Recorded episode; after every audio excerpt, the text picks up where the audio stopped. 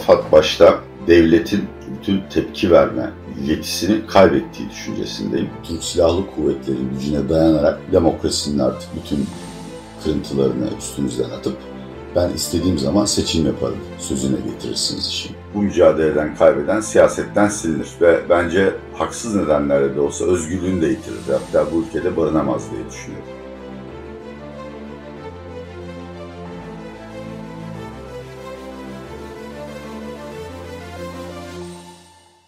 Atiye Bey merhaba. Merhabalar Semih, e, merhabalar dertli milletim, acı çeken milletim. Ölenlere evet. tabii ki Tanrı'dan rahmet diliyoruz ama daha da önemlisi yaşayanlara sabır, sabır, sabır, sabır diliyorum. Evet gerçekten e, çok sabra ihtiyacımızın olduğu günlerden geçiyoruz. Bugün depremin 9. günü. Felaketi yaşadıktan sonra 9 gün geçti. Ben size kişisel olarak şunu sormak istiyorum e, bu yayına başlarken. Burada şunu da söyleyeyim. Biz bu yayında seçimi konuşacağız seçimin erteleme tartışmalarını konuşacağız. Ama önce şunu sormak istiyorum detaya girmeden önce. Ne hissediyorsunuz? Bir kendi geçmişimden örnek de vereyim. 2009 yılında 220 kilometreyle bariyere girdim. İşte sürücü koltuğundan yolcu koltuğuna attım, atılmışım. Ne kadar zaman geçti bilmiyorum. Kalktığımda sağ kolum bacaklarımın arasındaydı. Gitti dedim. Tesadüfen bilmiyorum nereden geldiler. Karayolunun ortasında kurtarma gönüllüleri geldi. Bir buçuk saat ben hiçbir acı hissetmedim. Ondan sonra tabii şey verdiler, ağrı kesici verdiler. Burada da böyle oldu. Ben sabahları erken kalkan bir insanım. Sabah dörtte haberi almıştım. Tabii ki üzüldüm ama Türkiye depremler ülkesi herhalde e, çok da özel bir şey yok diye. Bir gün pek bir şey hissetmeden yaşadım. İkinci gün ilk rakamlar ve Marmara depreminden edindiğim tecrübeyle o havadan manzaraları gördüğümde acı başladı. Bu acı devam ediyor. Bu acı da geçmez yani. yani bir iki yıl oradaki insanların rahata huzura kavuştuğunu hissedinceye kadar geçmez. Bu arada şahsi tecrübemi soruyorsun ama ben özel olduğumu düşünmüyorum. Biz memeli hayvanlarız ve sürü hayvanlarıyız. Sürüde bir hayvanı kurt kaptığında ya da hayvanın canı yandığında bütün sürü bunu hisseder. Bizde de insanlıkta da öyle. Ben şu anda Türkiye'de bunun acısını hissetmeyen kimsenin kalmadığını düşünüyorum. Acıyla başa çıkmak benim açımdan önemli. Birincisi tabii hayatta kalabilmek için önemli. En büyük çabayı acıyı bastırmanın yanında öfkeyi bastırmakla harcıyorum. Tanrı'nın verdiği bir doğal felaket. Yapacak bir şey yok. O insanlar için rahmet dileyeceğiz. Ama TÜİK kayıtlarına göre AKP iktidara geldiğinden beri o bölgede yapılan yapıların toplam binalar oranı %51, bazıları %58 diyor. Ve belli ki e, buralarda hiçbir e, deprem denetimi yapılmamış. Bunun yarattığı bir öfke var. İkincisi yine beni siyasi taraf olmakta suçlayabilirler ama bu noktada artık pek de önemi kalmadı. AFAD başta devletin bütün tepki verme yetisini kaybettiği düşüncesindeyim. Üçüncüsü hükümetin ve hükümete hizmet eden kamu kuruluşlarının o bölgedeki bütün başarıları kendilerine mal etmek için çirkin girişimleri olduğuna dair sayısız kaynak var. En son olarak da böyle afetler dünyanın her yerinde sivil toplum örgütleri ve muhalefetin de desteğiyle çözülür. Bizde öyle bir şey yok. Erdoğan hükümeti sırf herhalde bütün başarı ona kalsın diye bunları engellemeye çalışıyor. Bunlar bence insanlık suçudur ve hesabı da sorulacaktır. Öfke hissetmemeye çalışıyorum Semih. Öfke çok kötü bir şey. İnsanlara çok büyük yanlışlar yaptırıyor. Ve inan bana yani klavyenin başına geçtiğinde ilk önce Ya Rabbim bana yardım et kimseyi tahrik edecek, canını acıtacak bir şey söylemeyeyim diye yalvarıyorum. Teşekkür ederiz bu cevap için Atilla Bey. Şimdi ana konumuza geçelim. Bu haftaki konumuza geçelim. Maalesef seçimi konuşacağız. Ama şunu da söylememiz lazım seyircilerimize. Bu gündemi bize veremedik. İktidar cenahından gelen sinyale Cumhurbaşkanı Erdoğan'ın seçimleri ertelemeyi istediğini ve bunun için de adımlar atacağını gösteriyor. Bunun da en somut örneği dün akşam saatlerinde Bülent Arınç'ın e, paylaşımı oldu. Twitter'da yaptığı paylaşım. E, gerçi biz bu yayını yapmadan e, birkaç dakika önce AKP'li bir yetkili böyle bir şey konuşmadık dedi. Ama nedense bizim daha önceki tecrübemiz bunu bunu hissettirmiyor bize. Farklı şeyler hissediyoruz. AKP'nin daha önce yaptığı bu tip şeylerde stratejik hamlelerinden dolayı. Kısa kısa gidelim Atiye Bey. Çünkü her seçeneği sormak istiyorum size yakalamışken, bulmuşken size. Sizce seçim ertelenir mi? Ertelenmek için her türlü çaba gösterilecektir. Bence ertelenmez ama bu çok muğlak bir e, şey tahmin. Çünkü e, seçimin ertelenmesi için Türkiye'de sadece kağıt üstünde mevcut olan denge ve fren mekanizmaları sonuna kadar zorlanacak. Yani seçimi erteletmek hukuken mümkün olmadığı için Yüksek Seçim Kurulu, Anayasa Mahkemesi ve hatta belki Türk Silahlı Kuvvetlerine dahi başvurularak yan yollar aranacak. Bence seçimi erteletme girişimi eğer doğruysa Türkiye'de bir iktidarla muhalefet arasında beka kavgası, rejimin sahibi kim kavgası başlattı. Seçimleri bir kenara bırakalım. Bu mücadeleden kaybeden siyasetten silinir ve bence haksız nedenlerle de olsa özgürlüğünü de yitirir. Hatta bu ülkede barınamaz diye düşünüyorum. Ee, peki şunu sorayım. Seçim ertelenmezse iktidarın, yani şöyle söyleyeyim daha doğrusu. Seçimi erteleyip ertelememek iktidarın e, iktidarı kurtarmaya yeter mi sizce? Aa, yetmez. Ee, bu konuda kısa cevap istedim vereceğim. Şu anda bile e, işte dün Aralık rakamlarını gördük. Cari açın patladığını görüyoruz. Deprem bu sorunu daha da ağırlaştıracak. Kuru bir yıl daha kontrol etmek turizm gelirine rağmen söz konusu değil. İkincisi enflasyon çok büyük sorunu zaten. E, depremin yansıma etkileri, cascade effects veyahut da spillover effects özür dilerim yani taşma etkileri yüzünden enflasyonun azlığını göreceğiz. Farz edelim ki işte basında bahsedilen yerel seçimlerle genel seçimleri ve cumhurbaşkanlığı seçimlerini bir arada yapma arzusu gerçekleşti. Bu hükümetin siyasetten silineceğine eminim. Çünkü şu anda bile anketlerde zaten geride ben anlayamıyorum. Nasıl Erdoğan kazanır, AKP, MHP kazanır yorumları yapılıyor. Mantıksız geliyor bana. Ve anketlerde hala Ocak ayında dağıtılan sonsuz büfeye rağmen seçmenin bir numaralı şikayetinin ekonomi yani enflasyon, işsizlik vesaire olduğunu görüyoruz. Bu oran %70'ler kadar yüksek. Eğer bir 11 ay daha böyle devam edilirse Erdoğan rejimi ve AKP ve MHP 2002 yılında seçimlerde rahmetli Ecevit Partisi DSP ve ona koalisyonda destek veren bütün partilerin konumuna düşer. Yani tarihe gömülürler. Evet, şunu sorayım. Ee, şimdi iktidar herhalde bu sıcak etkisinin, sıcak e, oluşacak tepkinin, 3-4 aylık tepkiyi bertaraf etmek istiyor. Ama biz hep şunu konuştuk, e, hatta şunu tartıştık daha doğrusu. E, iktidarın seçime yönelik attığı ekonomik hamlelerin hepsi tam seçim tarihine, yani o güne kadar kurtarmak için. Şimdi 7-8 ay atılacağı söyleniyor ve 3-4 ay. Bir de üstüne çok büyük bir deprem oldu. Ee, burada tüm planların bozuldu. Yani esasında ertelemek e, belki hani birkaç ayda iktidarda durması sağlayacak ama çıkacak oy oranını daha da düşürecek diyebilir miyiz? Çünkü tablonun yani bundan daha iyi olma ihtimali çok düşük. Kesinlikle, kesinlikle. Ama önce şunu söylemek lazım. Beni çok şaşırtan bir şey var. Gerek muhalefet içinde çok kıymet verdiğim uzmanların, gerek e, dünyada Türkiye'yi takip eden uzmanların çoğunluğu Erdoğan'ın bir seçim kazanma ustası, e, büyük bir stratejist, adeta bir satranç master olduğunu düşünüyor. Göya e, gelecekteki bütün senaryoları öngörüp hepsini e, böyle nakış işler gibi işleyip kendini hazırlıyor. Bunlar büyük bir palavra. Erdoğan'ın gün kurtarmaktan öte hiçbir çabası yok. Bunu yapacak bence fikri becerisi de yok. Dolayısıyla AKP seçimi ertelerken böyle önceden hazırlanmış bir planla ya da gerçek sayılabilecek beklentilerle ekonomiyi kurtarabileceğini düşünerek yapmıyor. Onların tek derdi iktidarı birkaç gün daha sürdürmek. Bu arada mümkünse bölgede şu anda bile suç delillerinin yok edildiğine dair sayısız rapor var. E, kendilerinin bu konudaki sorumluluğundan sıyrılmak. Şimdi cari açık şu anda e, milli gelirin %6 seviyesinde seyrediyor. Ben Ocak rakamlarını da tahmin ettim. %5'in üzeri alarmdır. Türkiye gibi bir ülke için %4'ün üzeri taşınmazdır. Cari açının nasıl finanse edildiğine bakarsak o yine e, muhalefetteki değerli uzmanları korkutan net hata noksan kaleminin 400 milyon dolara indiğini görürüz. Yani cari açık Sayın Erdoğan'a destek veren kimse o kaynaklar onların e, Türkiye'ye attıkları e, şeylerle sadakalarla beslenmiyor. Rus parası geldi. Turizm sezonu bitti ve net hata noksan eksilmeye başladı. Seçim kavgası e, tırmandıkça da geçmişte mesela 2001 yılı Kasım aralığında olduğu gibi net hata noksanın eskiye döndüğünü yani bütün farelerin gemiyi terk edip para kaçırdıklarını göreceğiz. Bu birinci soru. İkincisi bankalar şu anda bir tek cari açığı finanse ediyor.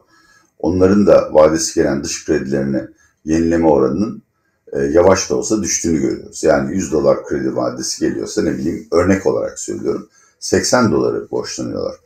Şimdi daha da borçlanmakta zorlanacaklar çünkü muhtemelen bir noktada kredi notumuz düşürecek ve CDS primlerimiz yükselecek.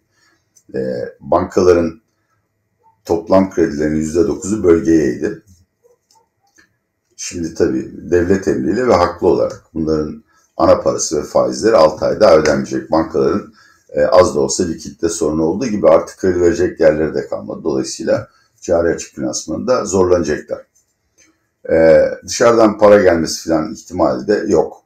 Yani gelir, proje karşılığı gelir. Bir de ya kardeşim hani Suudi Arabistan, Katar, Erdoğan'ın en büyük destekçisiydi. Büyük miktarlarda paralar yollayıp Erdoğan'ı kurtaracaklardı. Birkaç Eurobond'a talep attılar. Onun dışında hiçbir şey gelmedi. Şimdi ihracatın kurun aşırı baskılanması yüzünden Avrupa'da talebin toparlanmasına rağmen gittikçe yavaşladığını göreceğiz. Fiyat tutturamıyor artık ihracatçılar. Bu arada bölgenin bütün artık herkes biliyor bunu. İhracata katkısı 8, yüzde 8. Ee, bunun içinde çok önemli rol oynayan e, demir çelik şeyleri, fabrikaları, tesisleri kapanmış durumda. Buna kadar sürer bilemiyorum. Ama ihracatta da gıda ve e, yani tarımsal ürün ve şey ihracatında demir çelik gibi o bölge için çok önemli olan maddelerin ihracatında sorun yaşayacağız. E, üçüncüsü ve daha önemlisi Şubat'ta yeniden inşa faaliyetleri başlayacakmış.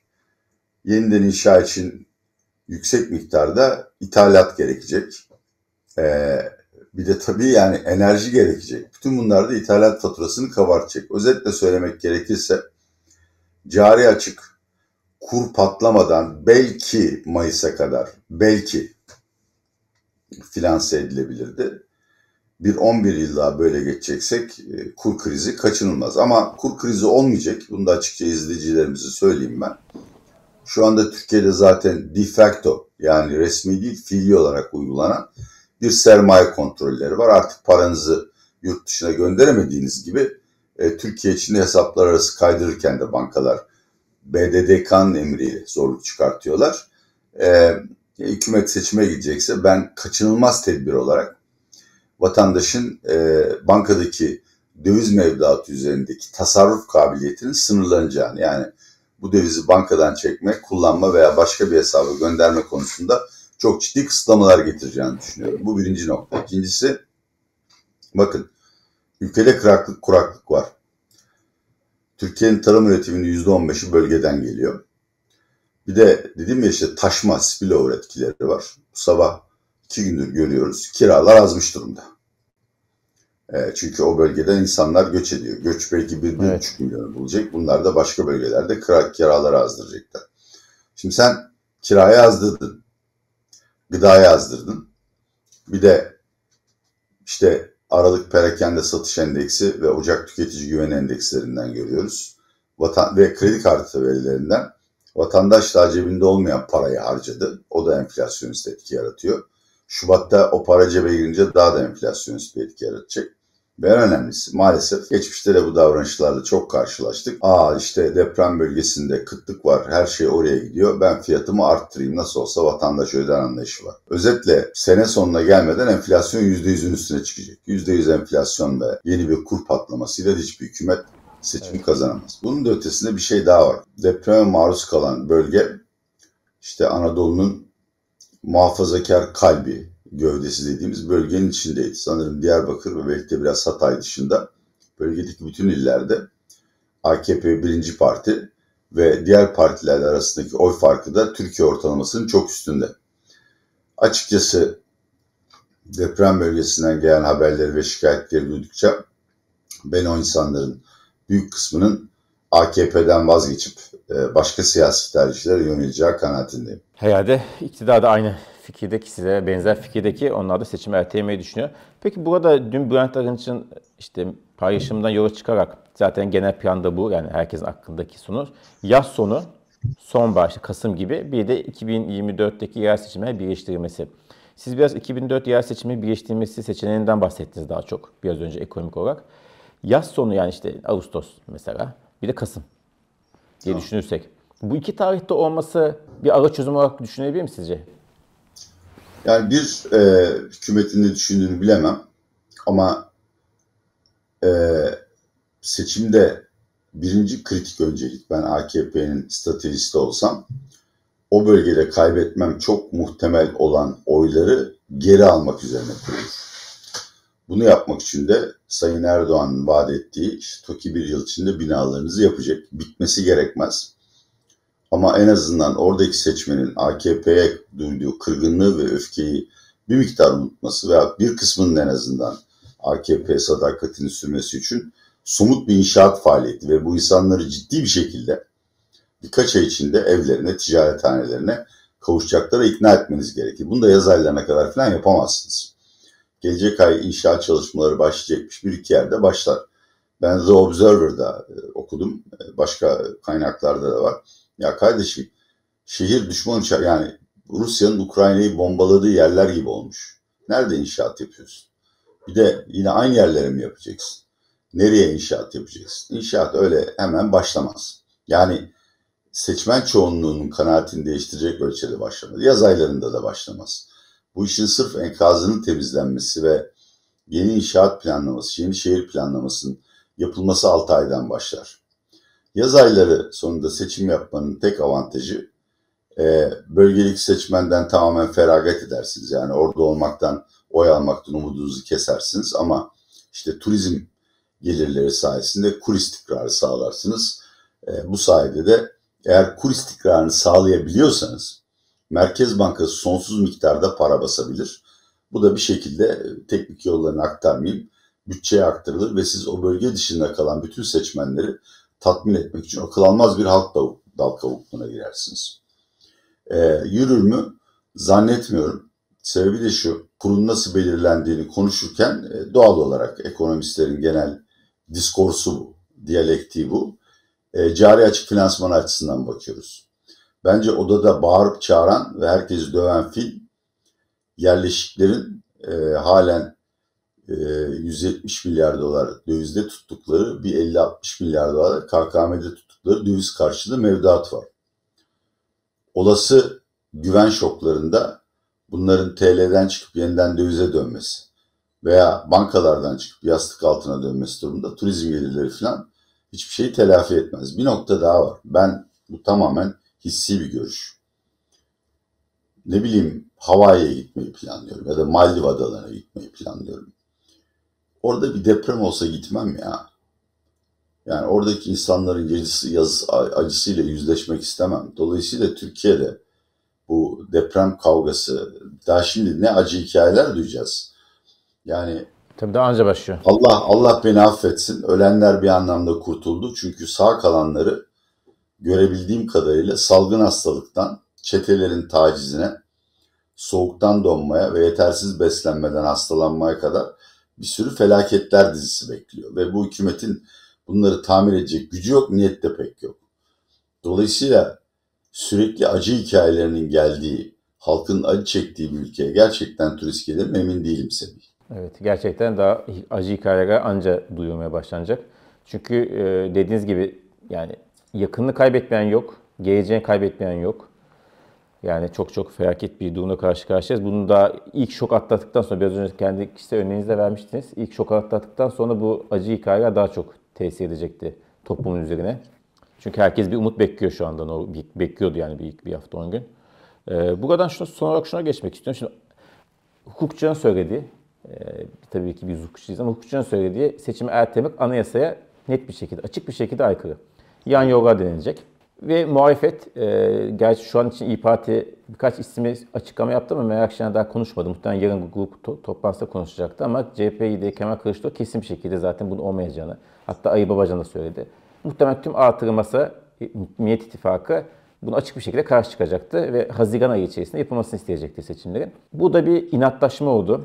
Uzlaşma olmadı. Ee, iktidar yan yoga saptı. Muhalefet de bunu sert bir şekilde tepki göstermeye karar verdi. Yani ortalık esasında biraz karıştı. Ne oldu? Valla ben istiyorsan kafamda 3 e, perde ve 5 saat olarak yazdığım uzay operasını bir kenara bırakıp son sahnenin son bölümüne geçeyim. Anayasal yöntemlerle, hukuksal ya da parlamenter yöntemlerle böyle bir karar alamazsınız. Almak istiyorsanız başvuracağınız yollar bellidir. Bir yüksek seçim kurumuna emir vereceksiniz itaat ederlerse diyecekler ki biz seçim yapamayız. Yani yok imkanımız yok. İkincisi anayasaya aykırı olmasına rağmen AKP, MHP desteğiyle e, bir mücbir sebep, savaş hali, deprem hali yasası çıkartıp seçimi erteleyeceksiniz. Muhalefet anayasaya Anayasa Mahkemesi'ne gidecek. Anayasa Mahkemesi'nin vereceği kararı bilemem. En sonuncusu da saray darbesi yapacaksınız. Yani baktınız ki hukuksal yollar yürümüyor ve yargı ve yargı sizinle işbirliği yapmıyor. O zaman ülkede sıkı yönetim ilan edip e, beka sorunu var deyip Türk Silahlı Kuvvetleri'ni sokaklarda kontrol ele almaya çağırırsınız. Ama aslında yapmak istediğinizde Türk Silahlı Kuvvetleri gücüne dayanarak demokrasinin artık bütün kırıntılarını üstünüzden atıp ben istediğim zaman seçim yaparım sözüne getirirsiniz işin. Şimdi bunların denenmesi ihtimalini küçümsenmeyecek kadar yüksek görüyorum. Çünkü hukuktan ve parlamentodan bu iş çıkmaz. Ama her ne kadar Yüksek Seçim Kurulu'na, Türk Silahlı Kuvvetleri'ne, polise, Anayasa Mahkemesi'ne güven aşıldıysa da ben bu kurumların kendilerine nihai tercih verildiğinde anayasaya ve halka sahip çıkacakları düşüncesindeyim. Yani eğer karşılarına çok açık bir şekilde halkın büyük kesiminin karşı olduğu, anayasaya çok açıkça karşı olan ve eğer bunları emreden Sayın Erdoğan bir şekilde siyasetten çıkarsa şu veya bu sebepten onların hepsinin ağır hapse mahkum edilmesi sonucunu getirecek bir tercihle çıkarsanız bence bu kişiler Erdoğan, kişi ve kurumlar Erdoğan'ı desteklemez. Dolayısıyla çok şey denenir, çok büyük kavgalar çıkar ama sonunda geçmişte her zaman olduğu gibi siyasetin çözemediği sorunları devletin diğer kurumlarının e, siyasi hafızası ve bu millete duydukları sevgi çözer. Bu sonuçta Erdoğan ve Bahçeli lehine olmaz. Evet kesinlikle. Bir de şunu söylemek lazım Atilla Bey. Yani biz Türkiye Cumhuriyeti olarak Kurtuluş Savaşı sırasında bir seçim yapmış bir ülkeyiz. Ee, tabii ki çok büyük acı ama daha 4 ay var. Madem çok kudretli bir devletiz, çok kudretli bir ülkeyiz. 4 ayda bugün organize etmemiz lazım. Ve bundan sonra İstanbul depremi zaten çok konuşuluyor. Şimdi bundan sonra işte o fay hattında Adana'ya sıra geldiği konuşuluyor. Yani jeoloji mühendisleri biz konuşmuyoruz. Deprem uzmanları konuşuyor. Bir an önce bir başlangıç yapılması ve hızlıca pozisyon alınması, hareket edilmesi gerekiyor. Böyle bir şeyde yine bir ara dönem, bir 7-8 aylık veya 1 senelik bir ara dönem yaratmak herhalde vakit kaybından başka bir şey değildi. Vallahi çok açık konuşacağım. Ee, bu rejim artık halka hizmet etme vasfını ve hatta niyetini tamamen kaybetti.